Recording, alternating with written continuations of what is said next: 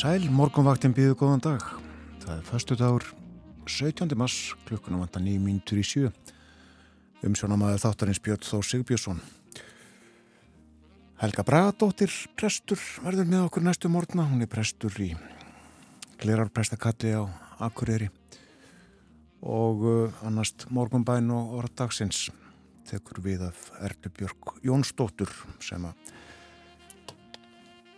að með okkur síðustu tvær vikur.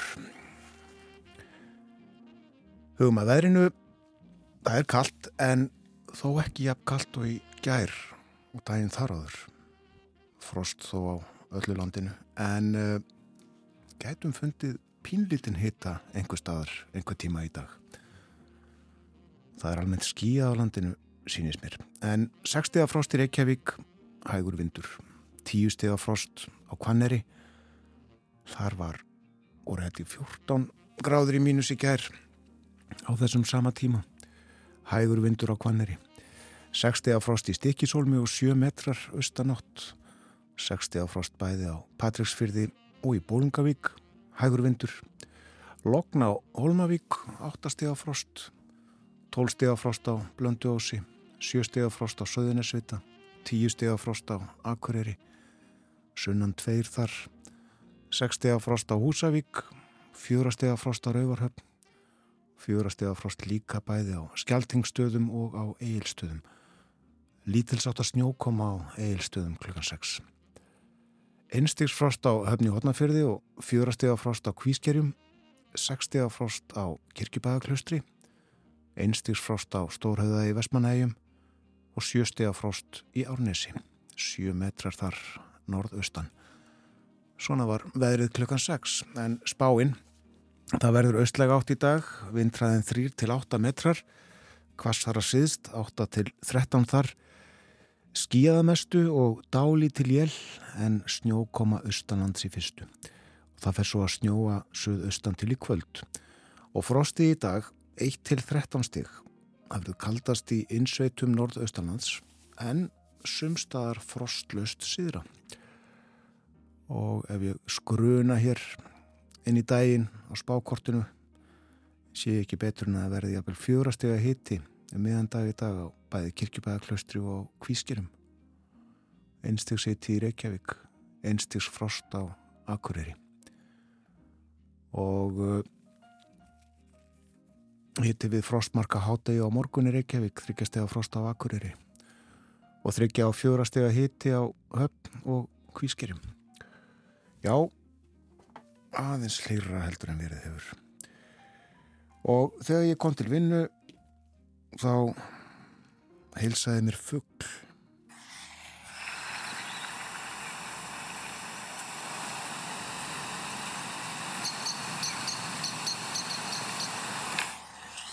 Langt síðan ég hef heyrt fugglasöng á þessum tíma dags. Ánægilegt. Ánægilegt að heyra í fugglum, eða fuggli, þetta var líklega bara einn fuggl. Það er hálka á vegum, hálkublettir til dæmis á nokkrum leiðum á Vesturlandi. Og einnig á vestfjörðum hálka, hálkublettir og snjóþekja á nokkrum leiðum. Sömleiðis á Norðurlandi. Og það er þæfingsfærð á Hóaskarði. Og hálka eða hálkublettir víða annar staðar á Norðusturlandi og sveipað aðstand á vegum á Östurlandi, hálka, hálkublettir eða snjóþekja. Greiðfært sem fyrr með ströndinni sunnan breytalsvíkur. Og það er ímislegt á dagskrá morgumaktarinnar í dag. Uh, Anna Sigriður Ólafsdóttir verði með okkur. Uh, ætlum að fjallaði um mataræði næringu. Hún er prófessor í næringarfræði við háskólan. Verði hér hálfa átta ferðamál til umfjöldunar eftir morgun frettinnar klukkan 8 og millir hálf 9 og 9 ætlum við að forutnast um orlofsbúðir fyrir eldri borgara sem að þjóðkirkjan stendur að og hefur gert í mörg ár. Annars sé ég að alþjóðlegi sveppdagurinn er í dag. Ég veit ekki alveg hvað fælst í því. Kanski að eh, sofa aðeins lengur að mennilega. Ég fyrir ítalega yfir dagskráð þáttarins eftir frettinnar klukkan 7 hann vantar ennþá 5 mínútur. En eh, hlustum nú á eitt lag, þetta er eh, gammal smellur, gerðið ykkur klár.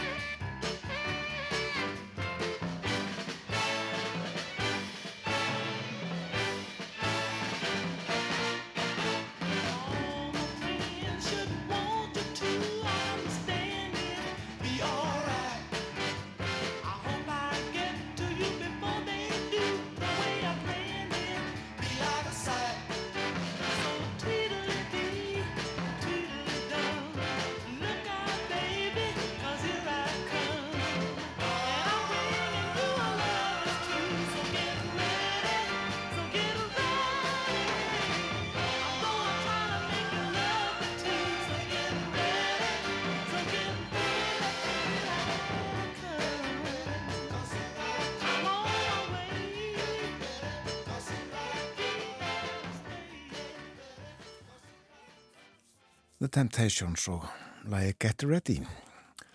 Það líður að fréttum eh, einu og hálf mínúta þá hvað til við fáum þær, til við heyrum klukknarsláttin. Og eh, eftir þær ítalið dasgrá þáttarins, lítum í blöð, ný og gömul, já, eh, leikum tónlistu þetta.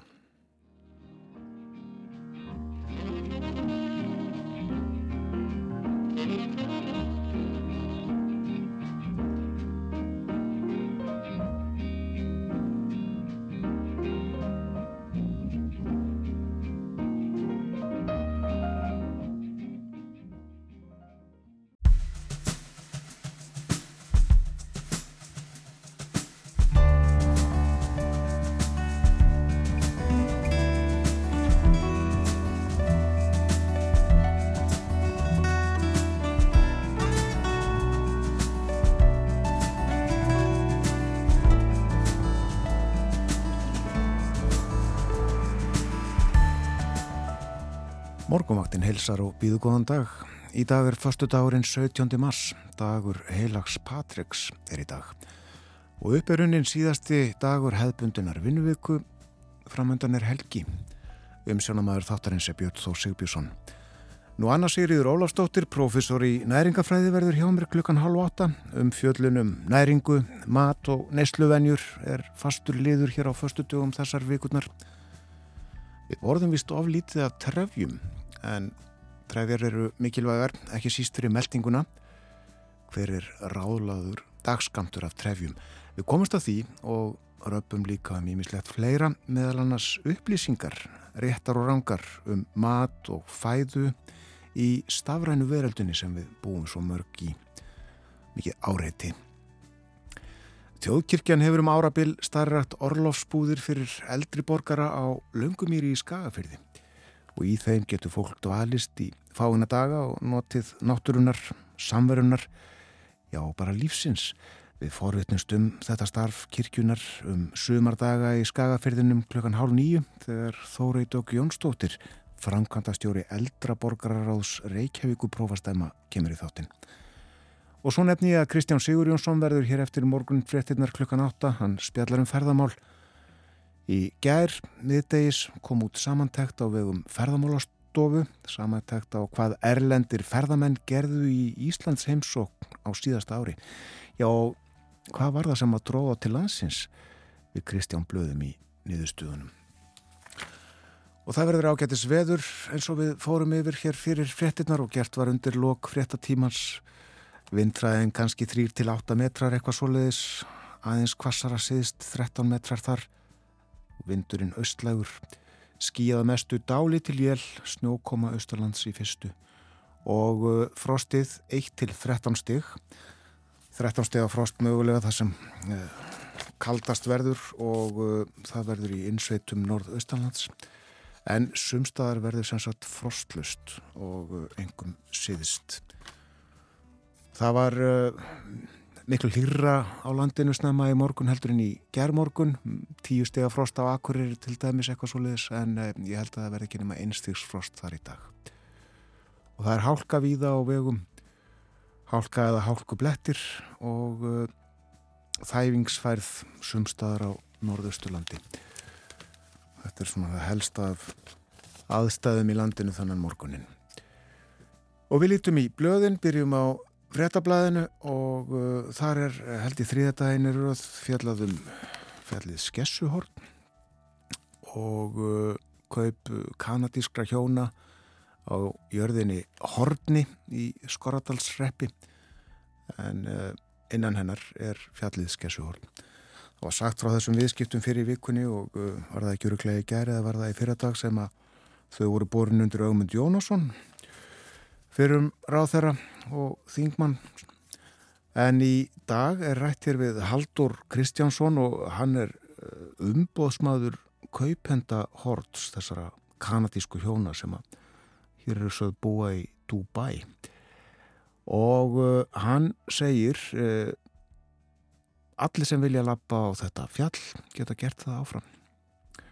Almanna rétturinn verður að sjálfsögðu virtur Já, skessuhorn áfram opið öllum, segir Haldur. Svo er þetta, kaffi hefur hækkað um 17% og grænmeti um 16%. Það er fjallað um verðhækkanir í fréttablaðinu í dag. Og þessar staðrendir eru bortan undir Breka Karlsson, forman neytendarsamtakana sem að segir einfallega þetta er galið. Og uh, Það er líka rætt við auði Ölfu Ólafstóttur sem að séru um verðlags eftirlitið hjá Alþýðusambandinu og hún segir í raun eru verðhækkanir orðnar ansi almennar og það er ná til flestra maturuflokka og inn í blæðinu. Er því sleið upp í fyrirsvagna lambakjött hefur hækkað um 20% tvöfalt meira en nefnur verðbólku. Morgunblæðið er í uh, svona kápu eins og við köllum það stundum kápa utanum blæði sjálft og uh, hér er dagskrætning uh, 17. mars 1983 og hvað gerist þá fyrir 40 árum? Jú, þá var fyrirtækið Marel stopnað og uh, þetta er sem sagt forsíða morgunblæðsins að uppistuðu til frá þessum degi 17. mars 1983 en í eh, stað sumra frétta er búið að setja inn fréttir af Marel. Marel HF stopnað og í undir fyrir sögn er það sagt metnaðafullt fyrirtæki um hátækni í fiskiðnaði og hér er önnur frétt. Marel stefnir á aukin vöxt með bættum tækjabúnaði. Og uh, aftan á þessu er svo baksíða morgunblæðsins þennan dag. Fyrir 40 árum og uh, samu upp á teiningnum. Stóra fréttin uh, frá þessum degi, hún heldur sér, uh, Reykjavíkur borg kaupir við þeir á 28 miljónir. og þannig má sjá meðal annars Davíð Ótsson þá borgastjóra og nú rittstjóra morgunbladsins og svo eru hér fleiri fréttir af Marel Marel 40 ára í dag. Og uh, það er lítil frétt á henni eiginlegu fórsíðu morgunbladsins í dag um fyrirtæki það er rætt við fórstjóran Árnátt Þorðarsson í morgunbladinu og hann er hérna spurður út í lækkun hlutabriðaverðs í fyrirtækinu en það hefur á undanförnu árið lækkað um tæp 27% og fólki sagt upp og Árni Óttur segir eh, að heimurinn sé að breytast hratt og að nöðsynlegt hafi verið að ráðast í fjárfestingar í sjálfvirknivæðingu og stafrætni byltingu. Aðfanga keðja í öllum yðnaði er að breytast og við erum ekki að tjálta til einnar nætur er haft eftir fórstjórunum og eins og áður saði við talviðan í blæðinu í dag. Nú, uh, svo er sagt frá því að stór hluti af sérregnarsparnaði landsmanna hefur verið nýttur til kaupa á íbúðahúsnaði og til að leta lánabyrði íbúðar eiganda. 132 miljardar léttur óðurinn hafa sannsagt verið færiðir úr því að vera þessi sparnaður og uh, yfir í afborganir af fastegnarlónum. Og svo er það lónan en nú bendir flest til að lónuvertiðin haldi áfram fram yfir helgi. Veiði hefur verið með ólíkindum og útlýtt fyrir að kvótinn náist. Þetta var ekki alveg endilega í kortónum á mánudagin þegar við rættum við Fririk Mark Guðmundsson, framkvæmta stjóra loðnuvinslunar á Farsúsfyrði. Loðnan er dindótt eins og við vitum en uh, nú, fáinum dögum síðar, þá er sem sagt útlýtt fyrir að allur kvótinn veiðist. Geta þess líka að á fórsíðum bæði morgunblæðsins og uh, frettablaðsins má sjá ungt fólk, framhaldsskólanema en uh, það er mikil háttíð í lögadalshöllinni. Höllin hefur verið stútfull af ungu fólki sem er að velja sér nám eins og haftir eftir Kristjónu Guðbrandsdóttur sem er verkefnastjóri minnar framtíðar en þetta er uh, síning og kynning í höllinni fyrir uh, unga fólkið og því bent á hvaða getur tekið sér fyrir hendur. Það er verið að saga kjött hér á myndinni á fórsíðu morgunblassins en uh, unni með einhver önnur verkværi heldur en handsæðir hér á fórsíðu fréttablassins einhverjir uh, rokkar, slípirokkar uh, krakkar úr borgarhóldskóla sé ég á þeir eru í. Hlýðis ég að læra að verða bifilegvirkjar eða eða eitthvað slíkt blikksmiður ég þór ekki að fara með það En þetta var það sem við nefnum helst af útsýðum dagbladar dagsins þennan morgunin. Og uh, þá ætlum við uh, næsta hlusta á lag og það franst, höfundurum af franskur, André Popp að nafni og þetta lag var framlag Luxemburgar í söngakefni Európska sjómastöða 1967. Hafnaði fjórðasæti á sín tíma, las ég. En var svo geysi vinsalt árið eftir í flutningi Pól Moria og satt í flutningi hans í einar fimm vikur á toppi bandariska vinsaltalistans. Skulum hlusta á Love is Blue eins og lagið nefnist upp á önsku.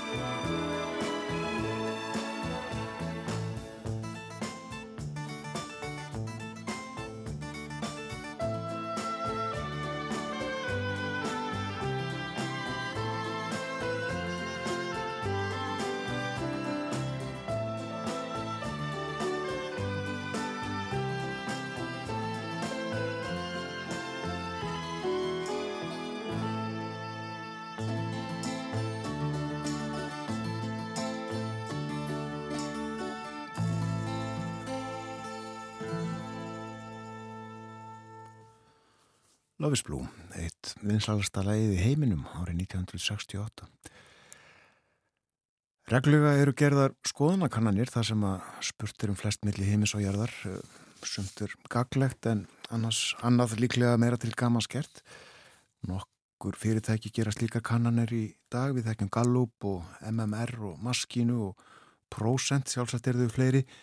Félagsvísastofnun Háskóla Íslands gerði líka kannanir og gerir kannski enn Ég þekki það ekki, en uh, þetta voru ungvísindi þarna á árunum undir 1970 en þá gerði dagblæði vísir undir rittstjórn Jónasar Kristjánssonar annarslæði kannanir og spurði um ímis álita mál sem að uppi voru í samfélaginu. Og sömarinn 1969 þá byrti blæðið yfirlitt yfir niðurstöður kannana sem að gerða höfðu verið mánuðin á misserinn þar á undan og skulum líta á þetta aðganni í Janúar 1968 var spurtu mingaeldi, afstöðu fólks til þess á að leifa mingaeldi. Með mingaeldi var 31%, á móti voru 69%. Og það var spurt í februar 1968 á að taka upp hæri umferð sem svo var gert og með því voru 47% en á móti 53% og það var líka spurt hérna í árspyrju 1968 á að leifa sölu áfengs öls, bjórs. Og það voru mjög skipta skoðanum það. 50% með, 50% á móti. Á að leifa sendingar keflavíkursjómasins með því voru 69% en 31% á móti. Eða Íslandingar að gerast aðilar að efta Já sögðu 80%, nei 20%. Eiga Íslandingar að segja sig úr NATO á næsta ári? Nei, sögðu 73%, já 27%. Og uh, áfram var spurt á að halda áfram á sömu braut við að ebla stóriðju þetta er frá 1968 eins og áður saði, með stóriðju voru 80%, 20% á móti stóriðju. Og áframan spurtum, herrin á að láta varnaliðið fara úr landi innan tíðar. Með varnaliðinu voru 63% en 37% voru á móti. Og það var líka spurt á að skilda prófkjör í stjórnmálaflokkunum. Og uh, með því var 71% en 29% á mótin. Fólk vildi almennt fá að hafa áhrif á að taka þátt í prófkjörum flokkana eða allavega láta þá efna til prófkjöra. Nú, uh, það var spurt uh, hösti 1968 á að skilja að ríki og kirkju og með slíkum aðskilnaði voru 38% en 62% voru á móti og það var spurt líka um sviðpaleiti hösti 1968 á að setja á vínbann. Og uh, með þeirri hugmynd voru 36% 64% á móti. Og uh, í ásperju 1969 spurði vísir á að koma upp staðgreyslukerfi skatta? Já, sögðu 90% nei, sögðu 10% mikill meiri hluti fylgjandi því og uh, það var gert en uh, talsvert síðar. Og hér var líka spurt á að leggja niður þýringar og uh, já, sögðu 54% en nei 46%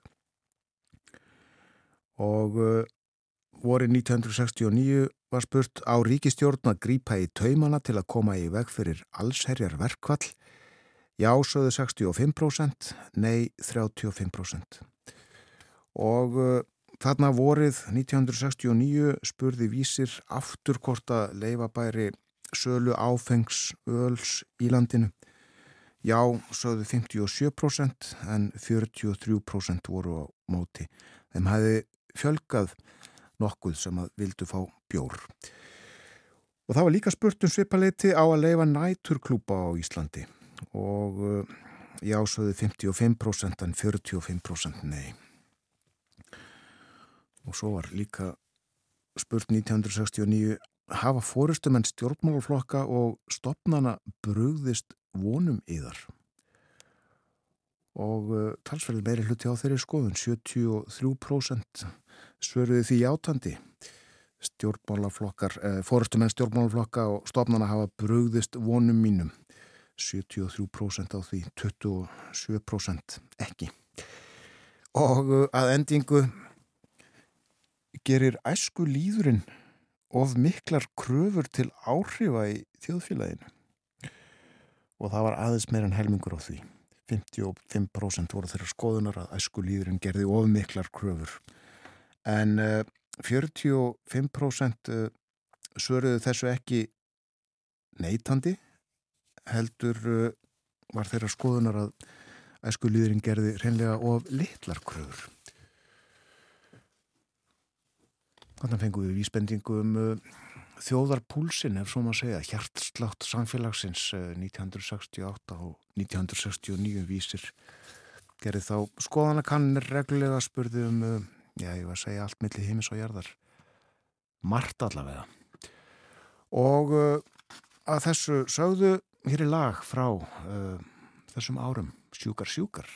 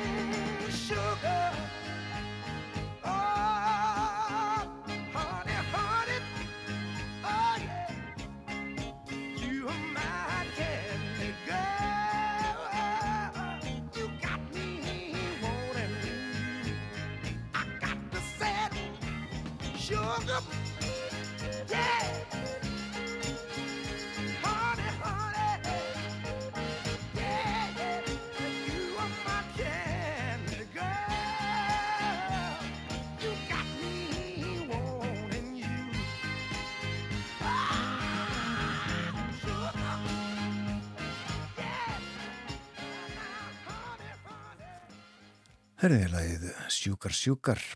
Það var samið 1968 uh, eða 9 kom út 69 uh, held ég alveg öruglega. Höfundar Jeff Barry og Andy Kim.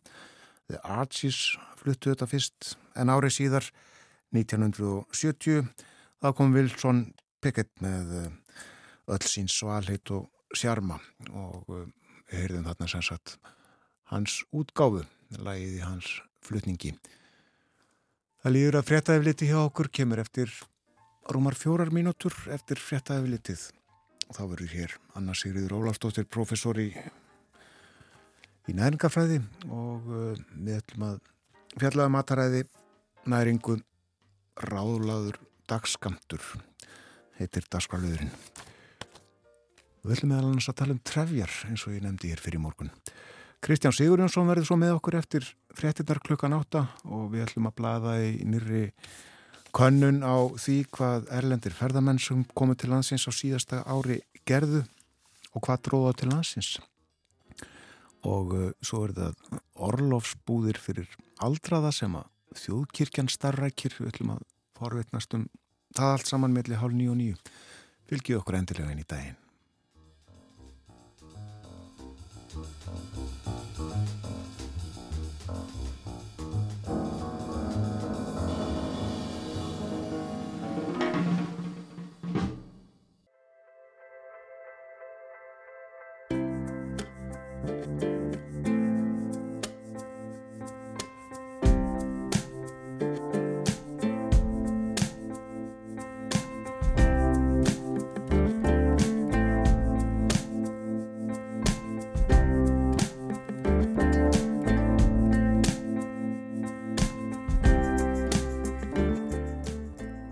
Aftur því er það að hlusta á morgunvaktina á rás 1.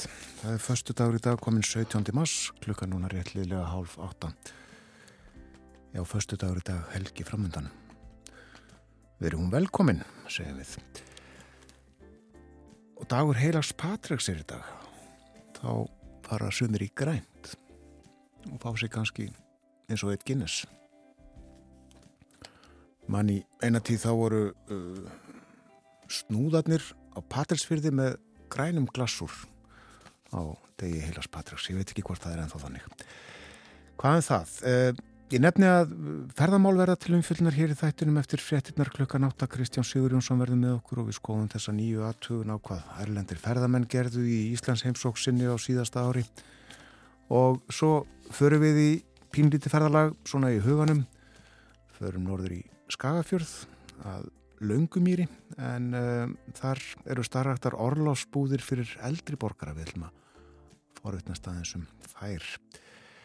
En það er komið að spjallu um mat og næringu, ráðlagður dagskamtur er yfirskrift vikulags spjalls okkar önnu Sigriðar Ólafsdóttur, professors í næringafræði, um það sem við látum ofan í okkur, gott og slæmt og það sem við þurfum að láta ofan í okkur en, en gerum kannski ekki góðan dag og velkomin. Takk, takk.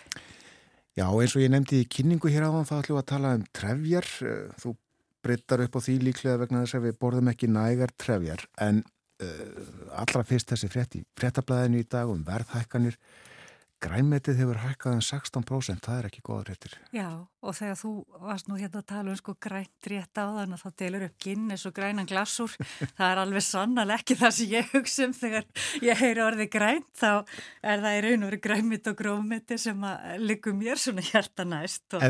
Hérna, og, og ég verð nú bara að taka undir þessi orð sem að þú vitnar í morgun sko að Breki Karlsson segði að þetta væri orðið gersanlega galið. Já og það eru þetta áhyggju efni þegar sko matvara sem skiptir svona miklu máli. Græmitið við eigum svo erfitt með að fá almenning til að auka neysluna. Það vantar svo mikið upp á og þá þegar verðin fara líka upp á við og þú ert að fá að því að þarna við ætlum að tala um þetta okkur með verðið að, að sko er dýrst að borða hold. Þá náttúrulega má byrja að spyrja sér sko hvað er að borða hold og þá fyrir mér er það þetta að, að þú náur í raun og verið innöllum þeim næringarefnum sem að líkamenn þarf á að halda til að starfa vel og fá næga orku. Og, og, og þar er okkur að fórsendin að þegar við erum farin að kljást við það að við eigum jápil ekki fyrir mat til að tryggja næga orku þá er það ofta fyrsta. Þannig að við sjáum í fátækt að þá í raun og veru er ekki tækt að leifa sér það að, að taka einn græmmiti sem er bara að græmmitið er náttúrulega svo lítil orka þó það sé gríðarlega mikið á næringarefnum. Þannig að, að þetta er yfirleitt sá matur sem fyrst fer þegar það fer að kreppa skóin. Og hækkunin 16%, eh, eh, það er 10% verbulga, þetta talsast umfram verbulguna. Já, og, og sko þetta er náttúrulega það sem hefur líka eins og í hruninu og öðru að þá er græmitið í raun og veru það hefur alltaf hækkað mjög mikið. Þetta, ég, man, þá var held ég sko hækkun á milli ára 80% sem var svona bara alveg sláandi. Og, þarna, og þetta eru þetta eitthvað sem við verðum að horfa á bara svolítið sem ábyrð stjórnvalda því að við vitum að, að sko eins og það nú ekki vinsalt orð orðið nýstlu stýring að þá hafa, sagt, hefur verð gríðalega mikið um það að segja hvernig við veljum mat og hvað við kaupum. Og þarna og þar alveg að þá til dæmis þarna hefur verið lögð áhersla á og við, þarna, það var skrifið skýrsla árið 2020 í raun og veru um hvernig við gætum haft áhrif á og, og, og, og skrifa fyrir stjórnvöld í raun og veru aðgerðar áætlun um það hvernig við ættum að, að, að hafa áhrif á nýsluvennjur og þá er þar í raun og veru númur 1, 2 og 3 að hækka álugur á í raun og veru sigraðar vörur þá fyrst og fremst kostrykki en að lækka þeirra móti á hotlar vörur þá fyrst og fremst gremmit og ávisti og þar líka þá í framhaldinu til dæmis að tryggja nægt magn af gremmit og ávistum í skólum. Og við getum auðvitað hérna á eins og staðan er núna að þá fyrir skólamaturinn til dæmis að skipta miklu meira máli heldur en nokkuð tíma og, þarna, og, og það finnst mér til dæmis áhugavert, ég var að tala við Þarna, að að þetta er náttúrulega ekki bara bundið við Ísland. Ég var að tala við vinnmenn sem er skólastjóri út í Breitlandi og hann sagði að, að það sem hefði gerst núna í vetur hjá þeim er að þau sjá að börnir að koma illa svöngi í skólan á mánutugum og þau borði miklu, miklu meira í upphafi vikunar og það, hann verði verulega varfið að það sé bara þau sé ekki að fá nóg heima hjá sér. Þannig að það má spyrja sig hvort þetta sé sama staða hér Uh, nú hefur það ekki sérstaklega verið skoðað en við gerðum sko 2003 að þá þarna þegar mannildisráð var og hétt sem var núna hluti af ennbætti landlæknis að þá gerðum við samanbörð á í raun og verið því að kaupa hotlustu körfu það er að segja kaupi matin í samræmi við almenna ráðlíkingar eða svo að kaupa eins og fólk kaupir flest. Það er að segja að fylgja svolítið tískuströymum og leifa sér einn og annan munað. Og þá var hotlustan ódýrari af því að það var engin óþarfi en á móti kom náttúrulega að, að þarna að sko við flest viljum við geta leift okkur eitthvað og hotlustukarfan var ofsalega dýr mm. og hún náttúrulega ennþá dýrar í dag en við getum nýka til svona hlutum eins og sko minka kjöt og auka bönir að þarna getum við svona, við getum í raun og veru reynda að, stýra hotlustinni þannig að við breytum hlutföllum ymbirðis og veljum ódýrari vörur sem ekki eru merkjavara. Það er kannski það sem er líka flókið í dag. Það er að þessi markasetning á hotlustu og heilsuvörum og það að e, til dæmis grænkjara vörur er ekki bara bönirnar sem þú leggur í bleiti og kosta lítið heldur er kannski tilbúin bönaböf sem eru þá komið herra kílóverðin kjötið Þannig að, að þetta er líka orðið sko flóknar en þetta var. En ef við förum í einfaldar í minna unni matvæli þá getum við einhverju leiti sko sparað en það verður aldrei ódýrt að borða og, þarna, og, og eins og þetta sko með græmit að þetta bara vil maður ekki, ekki sjá. Þetta veldur mér svona bara áhyggjum. Það er líklegt að það drægi sem sagt úr grænmetisneslu uh, við þessar verðhækkanir. Já, maður myndi já. óttast það. Já, grænmeti hefur hækkað 16%, uh, munum að uh, vístala nesluverðs verðbólgan er 10%, uh, grænmeti 16%, sikur súkulæði sælgeti 7%, góðstrykkir 9%. Mm -hmm. Þetta er... Óhóllustan hækkar miklu minna heldur en já, það sem er hótt. Og þetta bara, já, ég, ég vil bara kalla eftir ábyrð stjórnvelda Já, þú vilt að stjórnveld gera eitthvað. Við verðum að grípa inn í Og verðslandina líka. já. Já, og, og þetta náttúrulega færir okkur inn í kannski efni dagsins, sko, trefjarnar. Því að þegar græmiti vandar þá er enn það er verðan á trefjónum Akkurat, akkur þurfum við trefjar? Sko, þarna, það er akkurat þetta trefjar, það er svo ótrúlega lítil áhersla lögð á kannski svona almenningsumræði eða sínileika uh, á, á, á þegar við erum að tala um orkuefnina. Trefjar eru hluta kolvetnunum uh, og þær eru kannski grundvöldu þess að við þurfum að huga að kolvetnaneslunni að það er að missa ekki af trefjunum og þarna almenna ráðlíkingar náttúrulega leggja áherslu á mataræðið í heilt það er að segja, ég segi ekkert endilega heyrðu, mynd að borða trefjarnæðinar en við erum með, þetta með tvær af, af, af svona aðal ráðlíkingunum og þær eru sagt, að borða ávistu og mikið af græmiti og heyru orði mikið af græmiti Eh, og, og, og það er þá sérstaklega að horfa til grófara græmitist þegar trefjarnar eru annars vegar. Það er þá svo grænkál og fleiri kál, tegundur rauðrófur, brokkoli, gullrætur, blómkál, laukur og þarna undirfalla líka bönur og linsur. Og við erum að tala bæði um rátt og matritt græmiti og svo áherslan á heilkorn. Og þá er talað um sko heilkorn minnst tvísvar á dag. Og þá er verið að miða við um það byrj 70 gram af matverum sem innihalda heilkorn og heilkorn þýði það að við séum sagt, með alla hlutakortsins hvort sem það er svo borðað heilt eða búið að mala það að það sé bara ekkert búið að síja frá. Og það fylgir auðvitað fjöldin allra mjög mikilvægum næringarefnum þarna með, mörg B-vitamin, líka E-vitamin, magnesium og svo fjöldin allra plöntu hotlefnum sem fylgir með bæði græmi, dáistum og grómiti og það sem er kannski meira svona sem að kannski við erum ekkert alltaf nógu duglega að tala um að þá hefur þetta áhrif á til dæmis blóðsíkustjórnun eh, og þetta getur dreyið úr líkum á síkusíkja tegund 2 og eins og hjart á æðasjúkdómum að þarna fá nóg af trefjum og líka dregur þá líkonum á krabbamenn í reysli.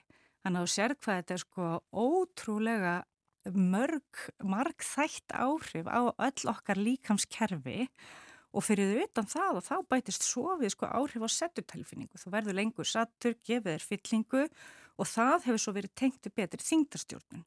Þannig að fólk sem alla jafna nærað uppfylla trefja þörfina er ólíklegra til að þingjast. Þannig að, að, að sko þetta er svo ótrúlega mörg atriði og svo eitthvað sem kannski liggur okkur svona nær ef við horfum bara svona á daglega líðan að það er bætt melding. Já. Og, og, og það er bara sko það sem við vitum að fólk kvartar mjög mikið oft undan slemri meldingu. Já, margir sem að klímaði meldingavandamál. Já, já, og svo að því að hérna, eins og í kringum íþróttir að þá sjáum við ofta að, að, að, að slæm melding sem reyndar er þá líka streytutengt, það er að segja álægið í til dæmis keppni, en þá getum við líka að hugsa um streytu almennt í samfélaginu, að meldingavegurinn er viðkvæmiri í kringum eh, streytu álag og þá oft vil allt fara á kvolf og þá skiptir öllu máli í raun og veru bara þarmaflóran sé í góðu standi og þar skipta trefjarnar þá líka máli.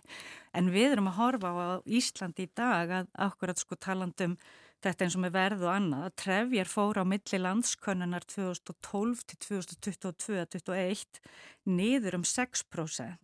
Í dag erum við þar ekki sko að fá meðaltali 37% orkunar úr kolvetnum og það bendir eiginlega til þess að þjóðun sé komin með einhvers konar kolvetna óta eða kannski bara þessu ofur áhersla á til dæmis prótein í markaðsetningu og, og svo byrjar alltaf skólast til út frá þau áreiti sem við verðum fyrir í, í raun og veru gegnum samfélagsmiðla og annað. Það er miklu auðveldar að í raun og veru sannfæra neytandan og upplýsingafleiðið og óriðan gerir einhvern veginn að verkum að að, að ég var að tala um daginn okkur hvað okkur gengi ítla að halda ráðleggingum að, að við raun og verum með, með hluti eins og með trefjarnar höfum fæst fjær þrátt fyrir þessa áherslu í raun og veru áratögum saman að við þurfum að Já. auka trefjamagnið og ráðleggingarnar eru svona 25-35 gram á dag í hér minnsta og ganga út frá í raun og veru sem hlutfall af uh, orku þörfin okkar þannig að yngri börn þurfa að minna þetta eru viðminn með að við fullorna eða frá 10 ára aldrei um það beil en við erum einbyrjað 16 gram á dag. Þannig að, að þetta eru þetta bara eitt af þessu svona sem að við verðum heila að finna einhverja leiðir til þess að e, þarna auka meðvitund.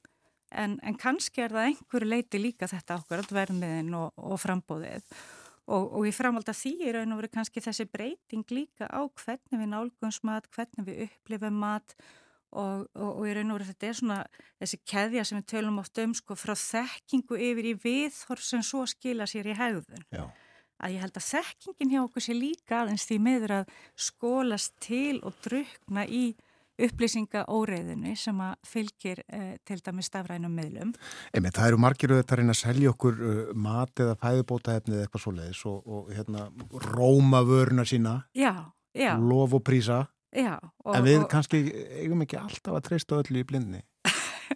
Vonandi treystum við ekki allir í blindin. Það er ekki vísta að allir séu að segja okkur alveg satt. Nei og þetta er okkur, þetta er kannski flækist í dag er þetta svona, það er talað um sko stafrænt fæðu umhverfi.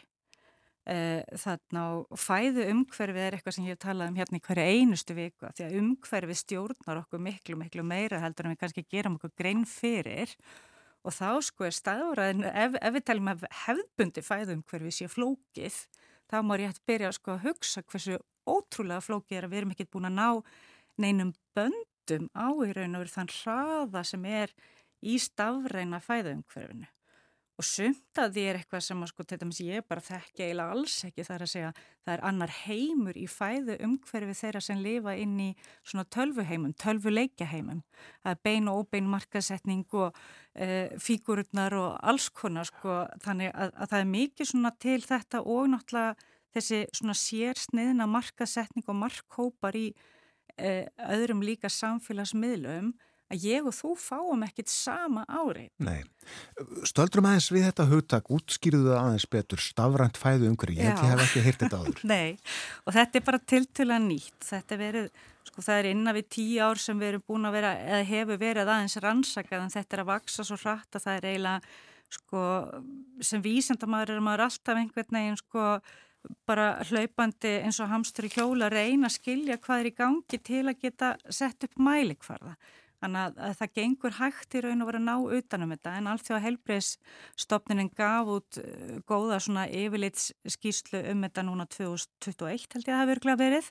En þetta snýr að sagt, vefstillingunum sem hafa áhrif á bæði þjónust og upplýsingar sem við fáum sem svo hafa áhrif á okkar fæðu val með því að í raun og veru móta okkar þekkingu viðþorfa höfðun það var flókið. Já, það var flókið. en þannig sko allar þetta þú veist bara hérna kökurnar og nú er ég ekki að tala um kökurnar sem við borðum heldur við kökurnar að, að, þetta, að þetta þegar þú hægir á þú ert að skrolla og stoppar við einhverja auglýsingu þá fer það að fá meira af því og svo framvegis allt þetta er að móta okkar viðþorf og þarna og mér fannst mjög gott ég, ég var okkur að kenna um þetta í vikunni upp í háskóla og þá kom innleg frá einum af nefndum mínum sem ég bara má til með að koma á framfæri því að hún saði að þetta væri orðið svo óþægilegt og það voru fleiri nefndur sem lögðu orði í belg um að það veru þetta stafræna fæðu um hver við væri farið að valda svo miklu um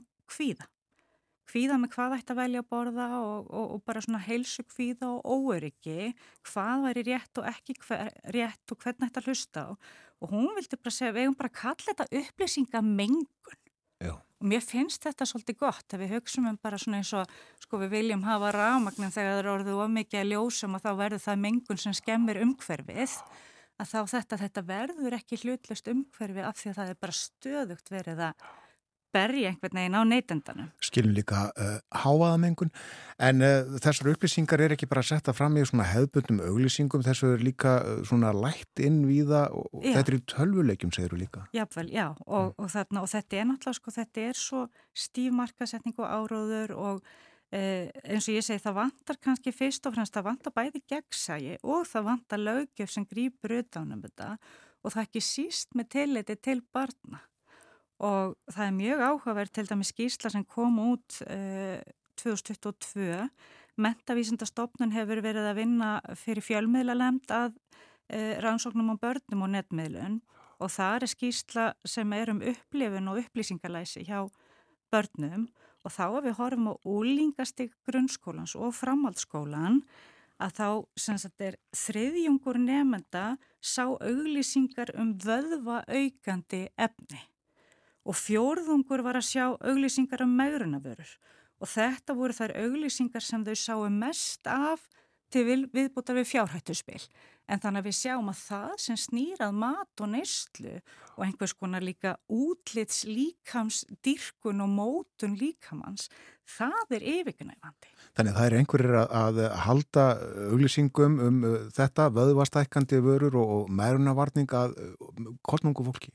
Kornungu fólki og, og, og þetta eru þetta kannski, sko, kannski eru það ekki allar uppháflega ætlað þeim hópin, þetta er hópin sem kannski sko hægir á skrollinu og annað og þá grýpur þetta að það um leiðu og hægir að þá fer það að sjá meira af því sama aftur og aftur og festist í einhverju sko lúpu, það verður til þessi þín kúla. Og það sem er auðvitað ef við horfum á mat og markasetningu að þá sko þá er þetta aldrei svoðin ísa með kartöblum og salati. Nei það bara kemur ekki ekki fyrir að þú sjáir þá myndið að þú sjáir hana ítrekkað. Þannig að, að, að þarna hallar svo undir sko, hefðbundin matur hverfur í stóra samhenginu, hann verður svo ósýnilegur og eitt af því sem er akkurat sagt, sko, það sem við höfum helst náðu böndum á í rannsóknum að það er að skoða sko, áhrif netverslunar og það náttúrulega var sko bara sprenging þegar COVID kom að fá heimsendan mat og fólk hættir því ekki þetta því að það er búið uppkvita þægindin sem fylgja. Og þetta getur auðvitað verið, sko, ég vil alls ekki segja að, að, að stafrænt fæðu umhverfið sé bara hættulegt, þetta hefur líka alls konar kosti. Eh, og sumir segja til dæmis þetta auðveldum stjórnina á að velja hvað er í matina því að þeir bara sitja heima, rólegir og yfirvegaðir og er ekki með áriðið sem er inn í búðinni. En þá hins vegar sko geta þessu upp líka verið farin að benda þér ítrekkað á eitthvað sem að af því að hæ, hægir á skrólunni við eitthvað sem, að, sem þið langar í en allar ekki að, sko allar standast freystinguna en þetta getur auðvelda lífið og þetta getur sparað tíma. Eða það er að sé að minnstakosti upplöfununa við séum að spara tíma því að svo má velta fyrir sér hvort að það sé ekki bara of gaman að hangin á þessum síðum líka við eða miklum tíma í, í, í skról og skoðanir. En þarna, en þarna þá sjáum við raun og veru sko að, að það eru samt sko rustlfæði og hraðvörur og me meðrunar og lífstílskúrar þetta e, fær óheirilega mikið pláss. Þannig að það vantar svolítið þá tilugurnar að má ekki bjóðar að kaupa e, fisk í kvöld og þetta og þetta og þetta með og kannski að hjálpa til að sjá svona heildra, he, heildar matarmyndir. Það eru samt fyrirtæki farin að styðja við til dæmis á þann veg En þegar þú fer ekki út í búð að þá er líka ákveðin hægt á aftengingu við ráefni. Þú ert ekki að sefa, þú ert ekki að snerta, þú ert ekki að velja og þá líka kannski þess að þú þekkir ekki, sérstaklega því að nú vil ég bara enda á að koma aftur inn á græmitið sem Já. við byrjuðum á, að, að það er kannski sko erfiðar að búa til áreiti þegar þú færð ekki upplifunin að gangi gegnum græmitisgangin. Hún er nefnilega mikilvæg. Maður finnur ekkert endilega sko fyrir mikill löngun í einhverja tilteknar græmitistegundir en þegar maður gengur innan um borðin glæsileg Já, þá langar maður allt inn í papriku. Og þó það sé ekki mikilvægt að þá er svona heildarliktin af bara fesku mm. að allt þetta er að hafa svo mikil áhrif á að við viljum nálgast að viljum prófa og að þú hefur ekki smakka eitthvað áður og þá er við vitum það líka því að gremmiti beist að það er raun og verið svona aðdragandin að þú þart endur tekna kvartningu til að vilja smakka. Þannig að, að til dæmis með börnin okkar látum þau ekki bara vera först í stafræna fæðumhverjunu heldur tökum við með út í búð og bara gefum okkur tíma til að rannsaka græmitiskangin það er eiginlega það sem ég vil hvetja til hætti í dag Gera þetta verkefni helgarinnar. Já. Þakka að kellega fyrir að koma á morgunvaktina í dag. Takk, takk. Anna Sýriður Ólastóttir, professor í næringafræði Já, slemtíðindi á fórsýðu fréttablasins í dag uh, grannmetið hefur hækkað um 16% en eins og áður sæði sælgetið um bara sjö. Skritin veröld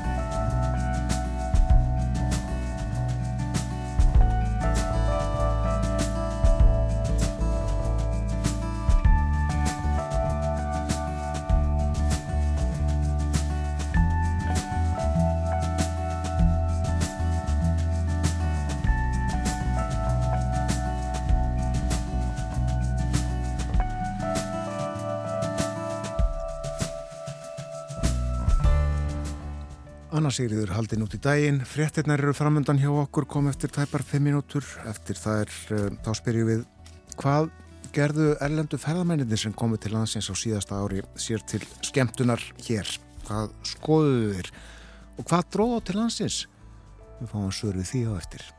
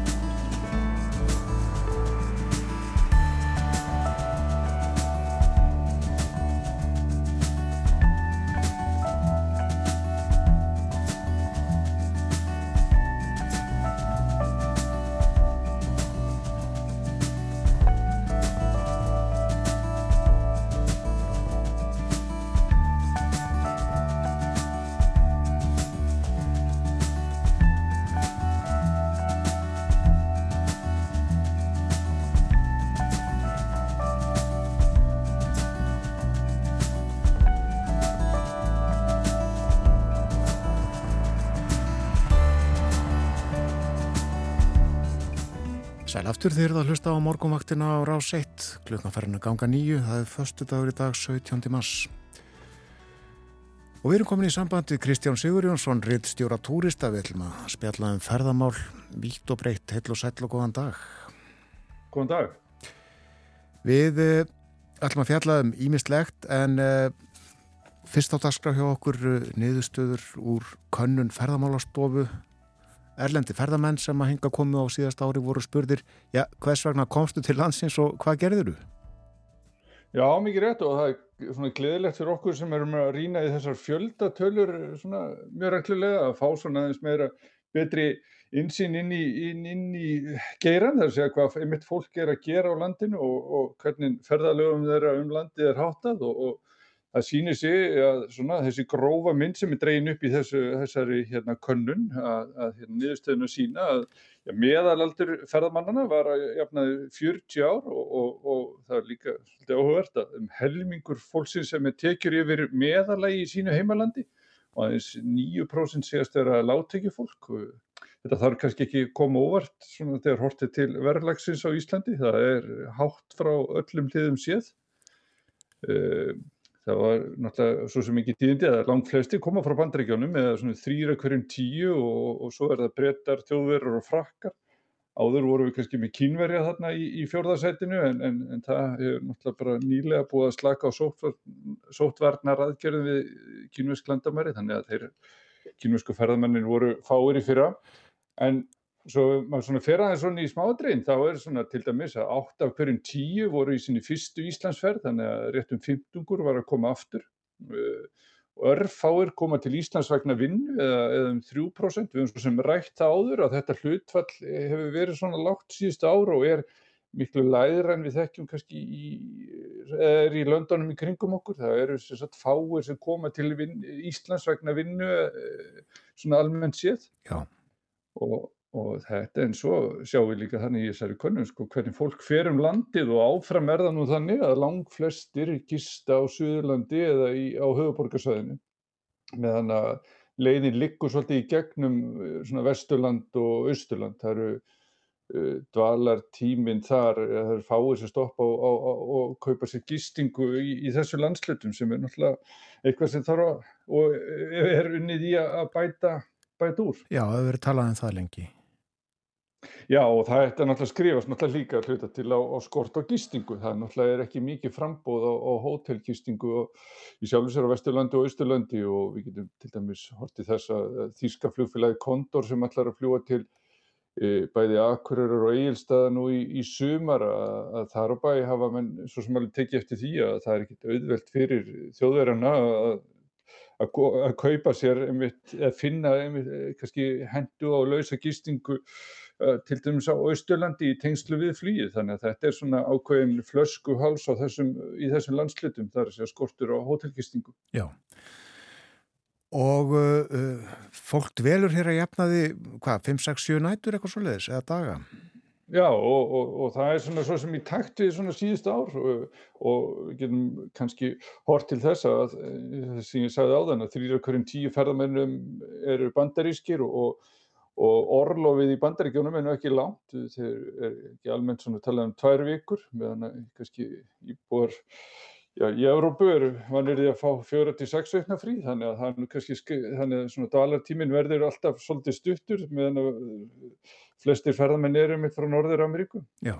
En svo, en svo er líka áhört að sjá þetta sko hvaðan ferðamennin eru að koma, hvað þeir búa í, í hverju landi fyrir sig og, og, og þetta er alls ekki bundi við flúvellina sem er flóið til eða frá til Íslands. Það er að segja að ferðamenninir í bandaríkjónum, þeir koma alveg eins frá vestuströnd bandaríkjana eins og austuströndinni, jafnvel þó að frambóða flýi til Íslands er lang, lang mest frá borgum eins og Boston og New York sem eru á austuströndinni, þannig að fólk er ofta búið að vera ferðast innanlands áður en að fer upp í flúvilina sem flytur það til Íslands þetta er svona álíka sér maður í, Breitlandi og Þýskalandi en, en, en vekur aðtiklið mína að í Fraklandi þá koma Já, langt flestir þeirra frans, fransku ferðarmenn sem kom til Íslands, þeir eru að búa annarkvært í kringum París eða nálagt genfarflúvelli en, en það er einmitt frá þessum tveimur stöðum sem hefur frambúið á Íslandsflugi er langt mest. Já, frakkarnir nenn ekki innanlandsflug eða, eða lesta fer langa til þess að taka flugu til Íslands? Nei, það verið styrra, til dæmis lágt hlutfall ferðarmennu frá suðu hluta Fraklands og, og, en það kannski breytist eitthvað því að Íslandir er að svona láta á reyna Íslandsflug frá Nýs og það breytist þá kannski eitthvað myndinni en, en þetta er svolítið ábyrgandi þannig með frakkana þeir eru svo svo, já, verðast vera að fljúa mest bara, já, koma helst til Íslands ef það er flóið beint til kemleikufljú allar frá þeirra heimabíð. Já, er það þá náttúrann sem að dregu flesta til Íslands? Já, heldur betur, það er lang, lang flesti sem segja að það sé helst aðdráttaraflið og, hérna og, og það er þá svona nokkuð skýr skilabóðum um, um, um hvað er eh, það sem lokkar fólk til landsins og, og það er náttúrulega, og ef, svona, maður á að finna eitthvað sem fólk segir neikvægt um landi, því almennt verðast nú flesti vera mjög jákvæðir, en, en það sem flesti síðan kannski út á er, er fjöldi ferðamanna við ferðamanna staði eins og það segir í, í konuninni, þannig að það er þá svona mannmerð víða sem að fólk lætur uh, farið töðan á sér. Já, já, já.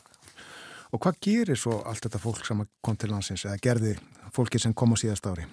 Já, það er náttúrulega vinsalt að fara í, einhvers konar laugar, sundlaugar eða náttúruböð eins og það er kallað, þannig að það verist vera mikið aðdráttaröfl og, og, og við sjáum það náttúrulega bara á, á fjárfestingum í ferðarþjónustu síðustu ára, það hefur verið að leggja mikið metnað í allskynns laugar út um all land og, og það er kannski til þess að svara þessari miklu eftirspurð sem er eftir þess aftar afþrengu á Íslandi.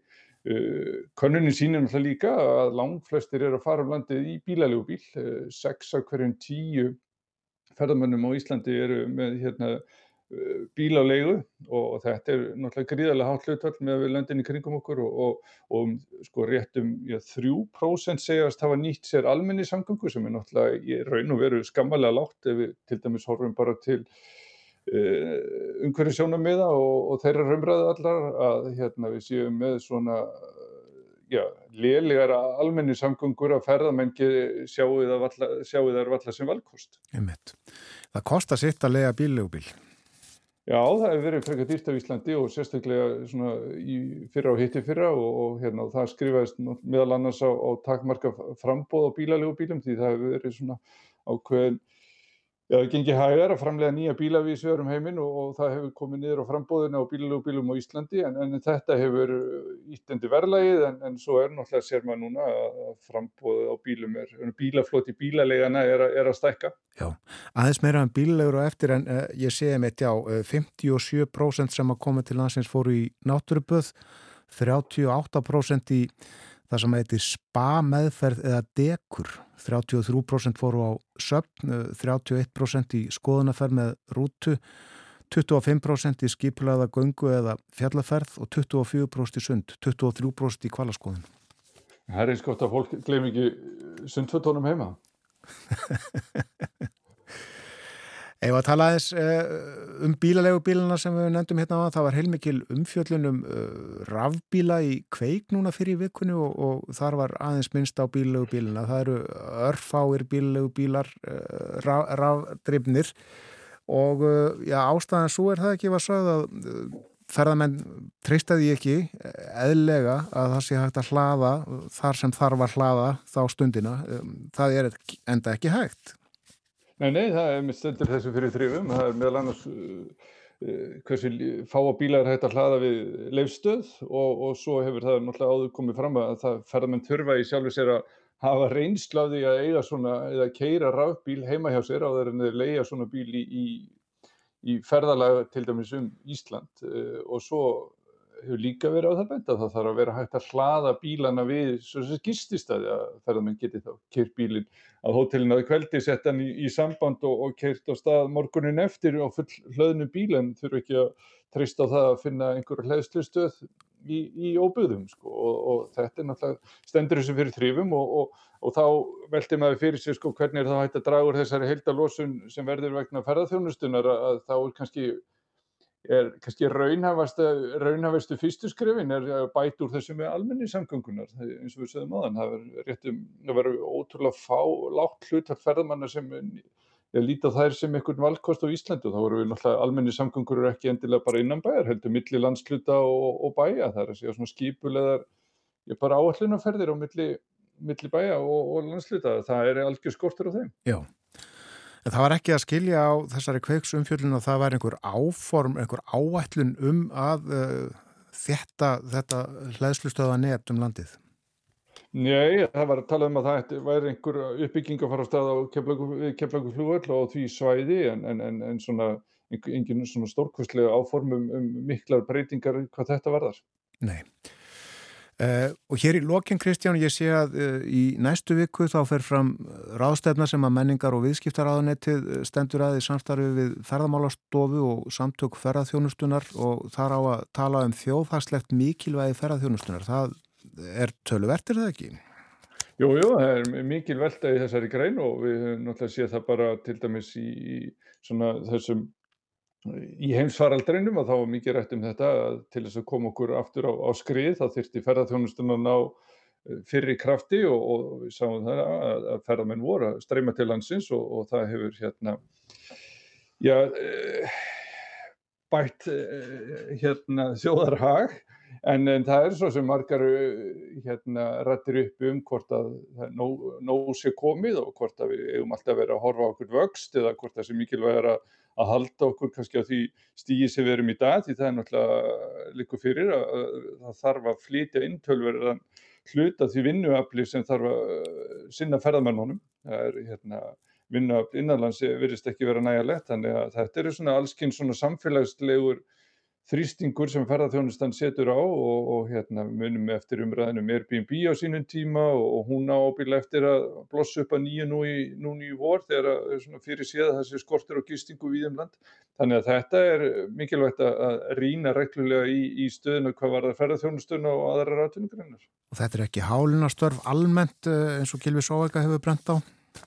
Nei, það hefur einmitt bent á það og, og það er svo sem, eins og sér maður líka, það er ímislega sem tengist ferðarþjónustu sem hefur orðið til kannski síðust árið, það er alls svona tækni þróun og annað sem er hérna verður, uh, það er fjöldi fyrirtæki á Íslandi sem er að vinna að þess aftar hlutum sem kannski hefði ekki orðið ef, ef ferðarþjónustan væri ekki svona stór í landinu, þannig að það er hérna það er eins og í þessu svo mörgu öðru þekki að það er ekki gott að hafa allt undir á einu stað. Nei, og meðal þeirra sem að tala á ráðstefninu á miðugudaginn næstu viku er Ásker Jónsson Sælabankastjóri og yfirskrift erindis hans er gullnáma eða fátakragildra og þarna tala líka Grímur Sæmundsen, forstjóri Bláa Lónsins og yfirskrift erindis hans er slípum demandin og hönnum okkar framtíð. Þeir kunna nefna fyrirlestrana sína. Já, já, en, en ég sé að það eina sem segir um fyrirlestur ferðmálar á þeirra, það segir bara ávarp, já. þannig að það vantar einhverju fyrirsokn á það. Einmitt.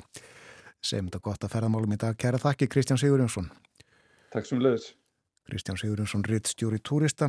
Hér var uh, spjallað mýmislegt. Uh, byrjuðum að tala um þessa nýju könnun sem að ferðmálastofa kynnti í gerð. Já, hvað gerðu ferðamennir erlendur sem að koma til landsins á síðast ári og hvað dróða til landsins og þar var ég eftir að sæti náttúran eins og verið hefur og uh, verður líklega áfram.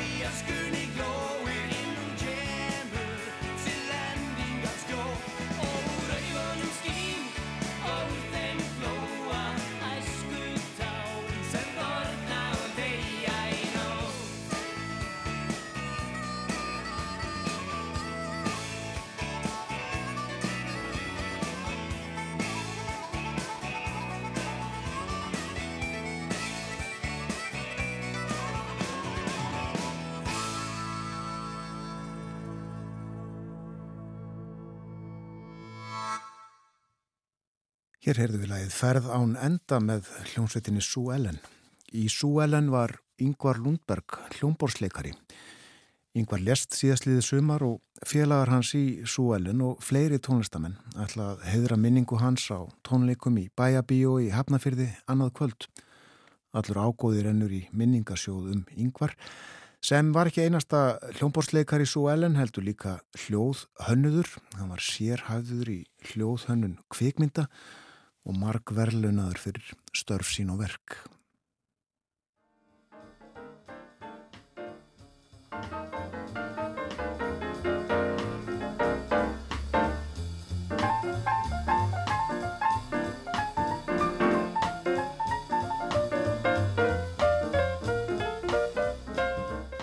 Eftir frettæfliti sem kemur eftir stuttarstund förum við í ferðalag, förum í ferðalag í huganum í Skagafjörðin.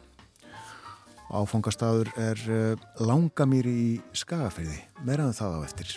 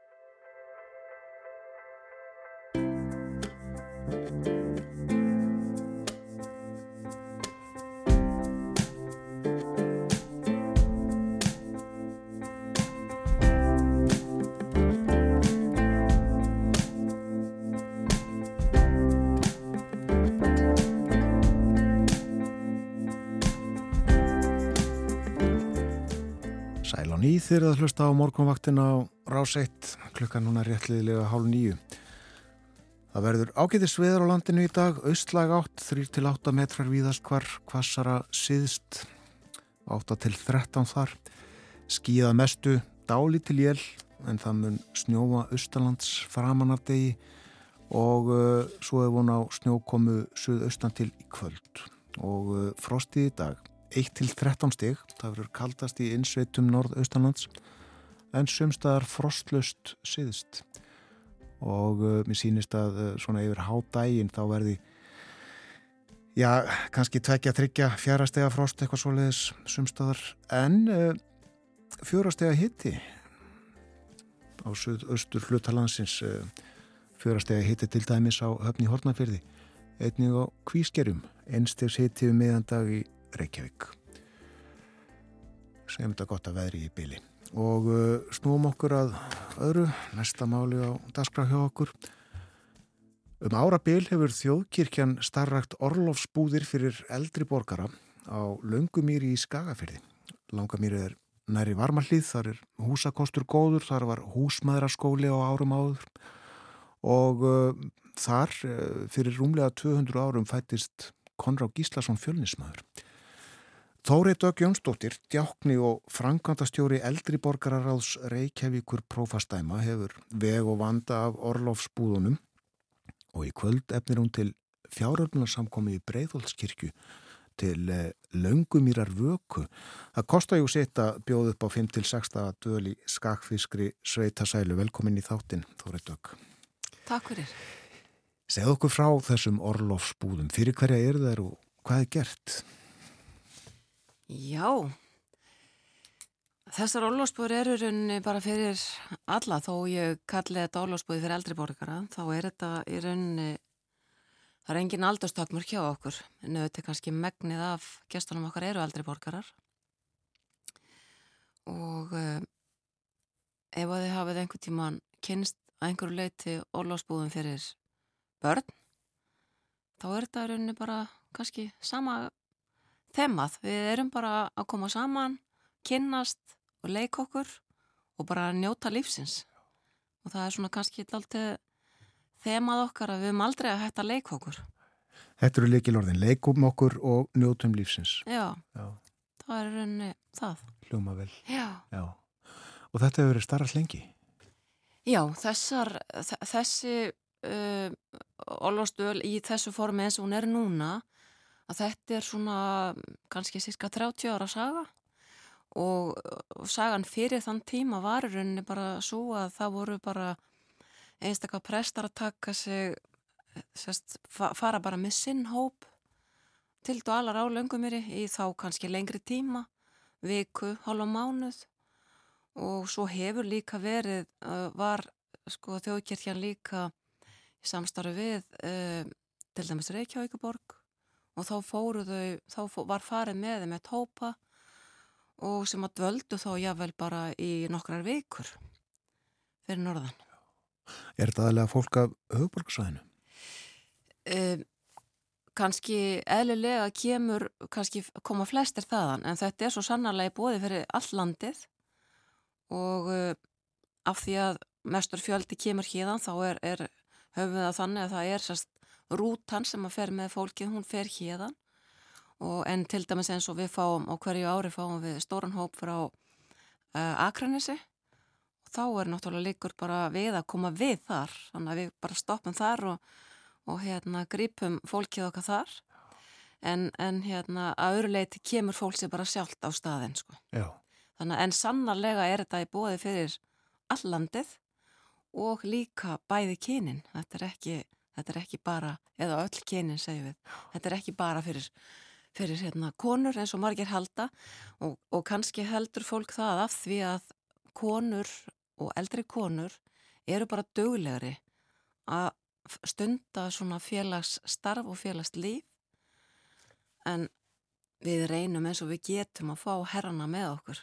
Er, er, er þeir sem venilega talsert færri en konur? Þeir eru, já, þeir eru talsert færri en ég get alveg sagt þér það að, að þeir herramann sem koma til okkar sem eru auðvitað alltaf ákveðin hópur í, í, í hverja dvöl þeim líður alveg óskaplega vel Á, og finnst ekkert leiðilt að það séu bara fimm, fimm hannar með öllum hinnum Og fjöldi fólk sem að nýti sér þetta og, og er Já. þarna nokkra daga á lönguminni? Já, við erum, förum, þetta eru svo satt, núna þetta ári, þá er þetta 30 manns í hverjum hóp og þetta eru sex hópar og þetta tímabilið er í rauninni nær frá uh, 29. mæ til uh, 16. júli. Þannig að við erum að fara með sagt, eh, þessa sex hópa, dveljum með fimm eða sex nætur í einu og erum bara, þetta er í rauninni stöðut prógram og ég segi nú reyndar að þegar ég er að kynna dölina fyrir fólki að auðvitað eru þau að koma og vera í leifi, skilur í sínu fríi en við bjóðum upp á dagskraf allan daginn og þau taka bara þátt að þau vilja. Já. Fara hjón saman, eh, vinkonur, vinir? Já, allt þetta, allt saman og maðgur við höfum ekki fengið feðga en þá en þetta er bara, já, þetta er, þetta er ofsalega skemmtilegt og við leggjum líka mikið upp úr því að sé að myndist tengsl og varanlega tengsl. Og það er svo fallegt að sumir hópar hafa verið að hittast fyrir utan, skilju, hittast við veturinn. Þannig að hefur orðið til góðu vinskapur. góður vinskapur og við hérna leggjum okkur og við erum öruglega góður hérna, styrtalaðali í Íslandspost því að við kveitjum fólk til að senda jólakort, skrifa jólakort og það ger ég flest ár, sendi handskrifa jólakort til allra og hérna, þannig að, já, þannig að við leggjum mjög mikið upp úr því að, að hérna, mynda tengsl og, og það er í rauninni galdurinn hjá okkur líka. Margir sem koma til okkar eru bara einangraðir mikið einir heima og hérna af því við erum nú að, að tala hérna í útvarpið og ríkisútvarpið að þá er einn svona fallegasta sagan sem ég á að símtal við konu sem að hún ringdi í mig nokkrum sinnum, hún er á látimblesunin en hún ringdi í mig nokkrum sinnum alltaf áður en hún kom á hverju sumri og hún saði mér alltaf að hún hlakkaði svo óskaplega til að borða kvöldmat með einhverjum öðrum en Páli Magnúsinni í fréttonum að deila máltíðinni með fleirum og, hérna, og þetta var svo innilegt sko. ég fekk bara alltaf tári í augun sko, þegar, þegar hún var að tala um þetta Já. En hún kom aftur og aftur. já þangað til bara heilsan leiði ekki Nei. það er það sem að, það er það sem að þetta er líka galdurinn hann hjá okkur að, að mjög margir sem að koma til okkar eru að koma af því þeir treysta sér ekki lengur til þess að fara í eitthvað annað Einir og sér eitthvað. já, Já. þannig að við erum sko aðstæðan er ofbáslega góð aðgengi gott, Já, einmitt, eh, heilsan er auðvitað alls konar og, og, og þarfinnar eftir því. já þannig að, þannig að það er, við erum auðvitað fólk þarf að vera svona nokkuð sjálfberga þegar það kemur sérst, til að geta dvalið hjá okkur en, en svona öll svona lett aðstóð er bara lítið mál en við erum auðvitað, við erum átt að því, er, er þið hjúknarfræðingar og hérna nei, við þá svörum við bara nei, við erum guðfræðingar þannig að við getum ekki kannski ekki kannski hérna leist eh, svona, svona eitthvað svona læknisfræðileg vandamál sko en, en hérna, já, fólk að það sé nokkuð sjálfberga og við líka minnum fólk alltaf á það endilega að taka með sér hækjurna sínar, göngugrindur og allt svoleiðis af því við erum mjög döglega að hreyfa okkur. Já, það er mikilvægt. Tölum aðeins um löngumýri, þennan stað sem að er sem sagt eh, eins og ég saði áðan uh, rétt niða við varmalið sem allir Já, þekkja. á þessum fallega flata sem að blasir þar við Akkurat. og þegar þú stendur í varmahlið og, og horfir þarna yfir þá er blasir varma, nei hérna löngum að skólinn við og, og glóðafeikir hérna beint fyrir aftan. Glóðafeikir. akkurat. Dásamleg, dásamleg sjón sko. Já, En, og uh, þarna fættist Konráð eins og ég sagði og, og uh, þar var líka húsmæraskóli. Já, þar var húsmaraskóli og það er hún Ingiberg Jóhannesdóttir sem að hún, hún sérst, ólst þar upp, hún ólst upp á Löngumýri og hún sem sagt runni rekur og stopnar húsmaraskóla og rekur hann þessi ár þarna 1944 til 62 en sko skólinn, húsmaraskólinn var rekin runni til 77 en það sem er svo merkilegt við Ingibjörgu og þetta er svo æ, þetta er svo falleg svona þetta er svo sterkar konur og þetta er svo, þetta er svo hérna mér finnst bara svo gott að vera þarna líka því að sagan er svo sterk og þetta er svo bara ég veit ekki hvernig ég á að koma orðum að því þetta er bara svo, er bara svo fallegt allt saman. Hún, Ingeberg stopnar hennan, hennan skóla og við hlið hennar er hún Björgu Jóhannesdóttir sem var kennara hjá henni og það er sérstaklega störfuðu þarna saman alla þennan tíma. Og þegar að helsan fyrir að gefa sig og sjónin að þá ákveða þær að gefa þjóðkirkjunni löngum er að skóla ásamt sko bara allar, eign, allar byggingar og tíu hektara landsbyldu hann í kring. Og einu sko hvaðirnaðurinn þar sem þær töluðum þær vildu bara að væri menningarlegt og kirkjulegt starf svona trúalegt, trúaleg tenging. Og, og hérna þannig að frá því 1962 sérst eignast þjóðkirkjan þessa eign og það sem er svo ótrúlegt líka að ekki einungi skáfuðar þessar byggingar og landið heldur tóku þær á sig að greiða ákveðlandi skuldir. Þannig þær gáfu egnina skuldlösa og langumýrar skóli er ennþá skuldlösa egn. Góðar, góða konur aldeilis, Ingi Björg og Björg. Ald, aldeilis og, og ekki, ekki nómið það, heldur því að þegar þær eru svo hérna uh, fleitja sér satt söður og, og, og kaupa sér húsnaði hér að það er sko, það er byrjun á því að, að, að gefa 1981, það gáðar peninga upphæð norður sem að fyrir hana einhver leiti var svefn álmannbyggð sem að fylgir húsnaðinu og þegar þær fóru á dvalarheimilið seldu þar íbúðina og gáfu andverði íbúðarinnar til löngumýra skóla og fyrir þann pening var kapellan byggð. Og þetta rifin gamla skólabeggingi sem var þarna fyrir aftan þessast áföst og kapellan dásamlega okkar var sérsagt byggð fyrir þann pening sko. Já, þetta er fallegt Þetta er indislegt bara og andin hérna í þessu húsi er bara þeirra verk og við njótum sko góðs af Byrjiði dagana í kapillunni?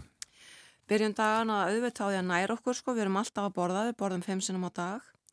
Byrjum eftir staðgóða morgumir, þá fyrir við, jú, erum með helgistund í kapillunni. Mm. Þegar við erum búin að því, þá fyrir við fram í leta stólalegkumi. Allt sem við gerum, pörsum við samt að sé allir geti verið með. Eftir leikumina fyrir við út að ganga. Þegar við erum búin að ganga, þá leikum við okkur aðeins. Svo borðum við háttegisverð og eins og á góðum íslensku sveitaheimilum þá leggjum við okkur eftir matinn og klukkan svona um tvö þá förum við aftur að gera eitthvað svona saman í annarkvæmt í setstofun okkar eða matsalunum og svo er kaffetími svo leggjum við okkur eitthvað aftur. Svo eins og á góðum sveitaheimilum líka eftir kvöldmatt þá horfum við á frettinnar og veðrið til þess að við getum vita hvernig við eigum að hafa okkur, hafa okkur daginn eftir. Og klukkan átta á hverju kvöldi, kvöldvaka. Mikið fjör. Og líka hérna það sem við gerum líka með hverjum hóp, að við förum með hvern hóp í menningaferð förum við eitthvað hérna um nákvæmlega skafaferðar skoðum, förum á hana okkur söpn og, og bara alls konar og, og hérna við gerum í rauninni bara við erum ekkit að við erum auðvitað ekkert að hugsa um það að gestirna okkar séu eldri borgarar. Við skoðum bara allt mögulegt og í fyrra sem dæmi þá fórum við með alla hópan okkar á síndarveruleika safnið á Söðakrók. Og hérna það var mjög skemmtilegt því að þau fóru svo upp nömin heim og ætluðu öll að fara og segja barnabörnuna sínum. Þau var sko búin að pröfa að fara sko í hérna pröfa svona síndarveruleika glerugu og fara í eh, störtlunga bardaga sko Frábært. og þegar þóttu þetta mikil upplifun Ég trúi því já. og svo snemma í háttin maður verið þreytur eftir, eftir Já, eftir program. allt fjörið, já, já, já. Því við erum vögnu snemma líka. Akkurat, og maturinn allur meira eða minna á skagafyrinu með það ekki? Fiskur, uh, kjött, grænmeti, mjölk Jú, allt saman, allt saman og indislegt sko, það er líka hlut á því að að það er svona gott að vera í lengumiraskóla er að starffólkið þar er algjörlega einstakt og það bara dekrar við okkur sem erum að koma með þessa hópa þannig að það er allt svo hreint og snirtilegt maturinn dásamlegur þannig að það er bara, við erum bara raunni borin á, þau bera okkur á höndum sér sko, þannig að þetta er bara alveg dásamlegt. Allt upp á tíu greinlega þarna. Já. Þórið, þú ert eins og ég sagði að hann framkvæmda stjóri eldri borgararáðs Reykjavíku prófastæma. Hvað er það? Já, þetta er langur og mikill teitill. Eh, starfi mitt er raunni tvíþætt. Eh, eh, svona vetrastarfi mitt, þannig er, er hérna að þess að í þessum prófastæmum, eistra og vestra sem ég vinn fyrir, eru 20 kirkjur og í þessum 20 kirkjum er eldri borgarastarf. Þá sem eldri borgarnir koma og það er samverur og, og allt þetta, helgistundir og máltíðir og þessum stundum út í kirkjunum stýrir starfsfólk og sjálfbúðarleðar og ég er sérstaklega bakkjarl þess fólks og er svona aðstofa þau við að það sé faglegt og gott starf fyrir eldri borgara í þessum kirkjum. Þannig að það er svona, það er svona já, mín svona megin, þannig að ég fer líka í kirkjurnar og leysi af, leysi prestan á djáknarna af og hérna, þannig að, þannig að Já, þetta er svona, sérstu, vetrastarfið mitt er svona megin dráttum þannig en auðvitað tekur þetta sumarstarfið mitt líka drjúan tíma því að, að hérna, þetta eins og ég segi, þetta er það sem ég ger á sömrin er svo að starra ekki þessar, þessar hérna ólusbúðir þannig að, að hérna, þetta er alveg ofsalega skemmtilegt og fjölbreystarf og þetta er bara, já, besta starfi heimi held ég. Já, það er ekkert, svo, það er ekkert minna. Nei, það er ekkert minna það, minna það. Og svo ertu djákni, er það líka skemmtilegt? Það er líka skemmtilegt sko, það er mjög skemmtilegt og hérna... Hvað gerir djákni? Djákni, takk fyrir að spurja að því. Uh, Djákni er við raunni hérna ég útskýr þetta alltaf bara á bara kannski mjög einfaldan hátt að munurinn á, af því ég, ég veldi spyrja þig hverju munurinn á presta og djákna og kannski svona námslega séð þá er megin munurinn á að prestarnir taka taka fimm ára háskólanám og sest, tók, ég tók þryggja ára háskólanám en í dag er þetta orðið, orðið líka fimm ára háskólanám meðan að þeir uh, sest, prestarnir eiga í rauninni að vera að reyðskýra fyrir okkur reikningana og, og segja okkur frá því á samt náttúrulega öllu því, því starfi, goða starfi sem að þeir vinna við djáknarnir förum fyrr í að þjálfu okkur í að vinna út á akrinu að vinna með, þannig að við erum að taka fullt af uh, kursum sem að fjalla um allt mögulegt, áhættu henn unglinga, öldrun, fjölskyldur, fjölskyldumál og, og slíkt. Lífið bara? Bara lífið, já. já. Þannig að það er rauninni svona og, og ég náttúrulega starfa sem djákni, ég starfa í rauninni sem sko sér þjónustu djákni. Af því að ég er ekki rauninni að vinna fyrir einhvern einn söpnuð eins og hefðin er, heldur er ég kannski dáltið eins og sjúkráðsprestar eða fangilsprestar þar sem að ég er bara í svona þessu sér verkefni. Já, sér þjónustu djákni. Sér þjónustu djákni, já. Og framkvæmtastjóri eldri borgarar ás Reykjavík prófastæma. Já. Það er allavega þetta rúmist á nafnspildi. Nei, þetta er mjög, þetta er mjög langur teitil. En í kvöld er það Löngumýra vaka í Breiðolskirkju hefst klukkan sjö og uh, þarna verður kynning sem sagt á Orlofstvölni sem við fjöldluðum um áðan, þarna verða sölubásar og haptrætti, það kostar 2000 krónur inn og það er alls konar tónlist Gunnar Röggvaldsson og Íris Olga Lúðíksdóttir, Sigvaldi Helgi Gunnarsson og Anna Sigriður Helgadóttir. Þakkaði kellega fyrir að koma til okkur á morgunvaktina, gangiði vel. Takk fyrir mig. Þórið Dögg Jónsdóttir. Við förum í Skagafjörðin og uh, eftir sem sagt samtalum Löngumýri og uh, Skagafjörðin allan þá er ekki hægt annað en að hlusta á áttagerisbræður.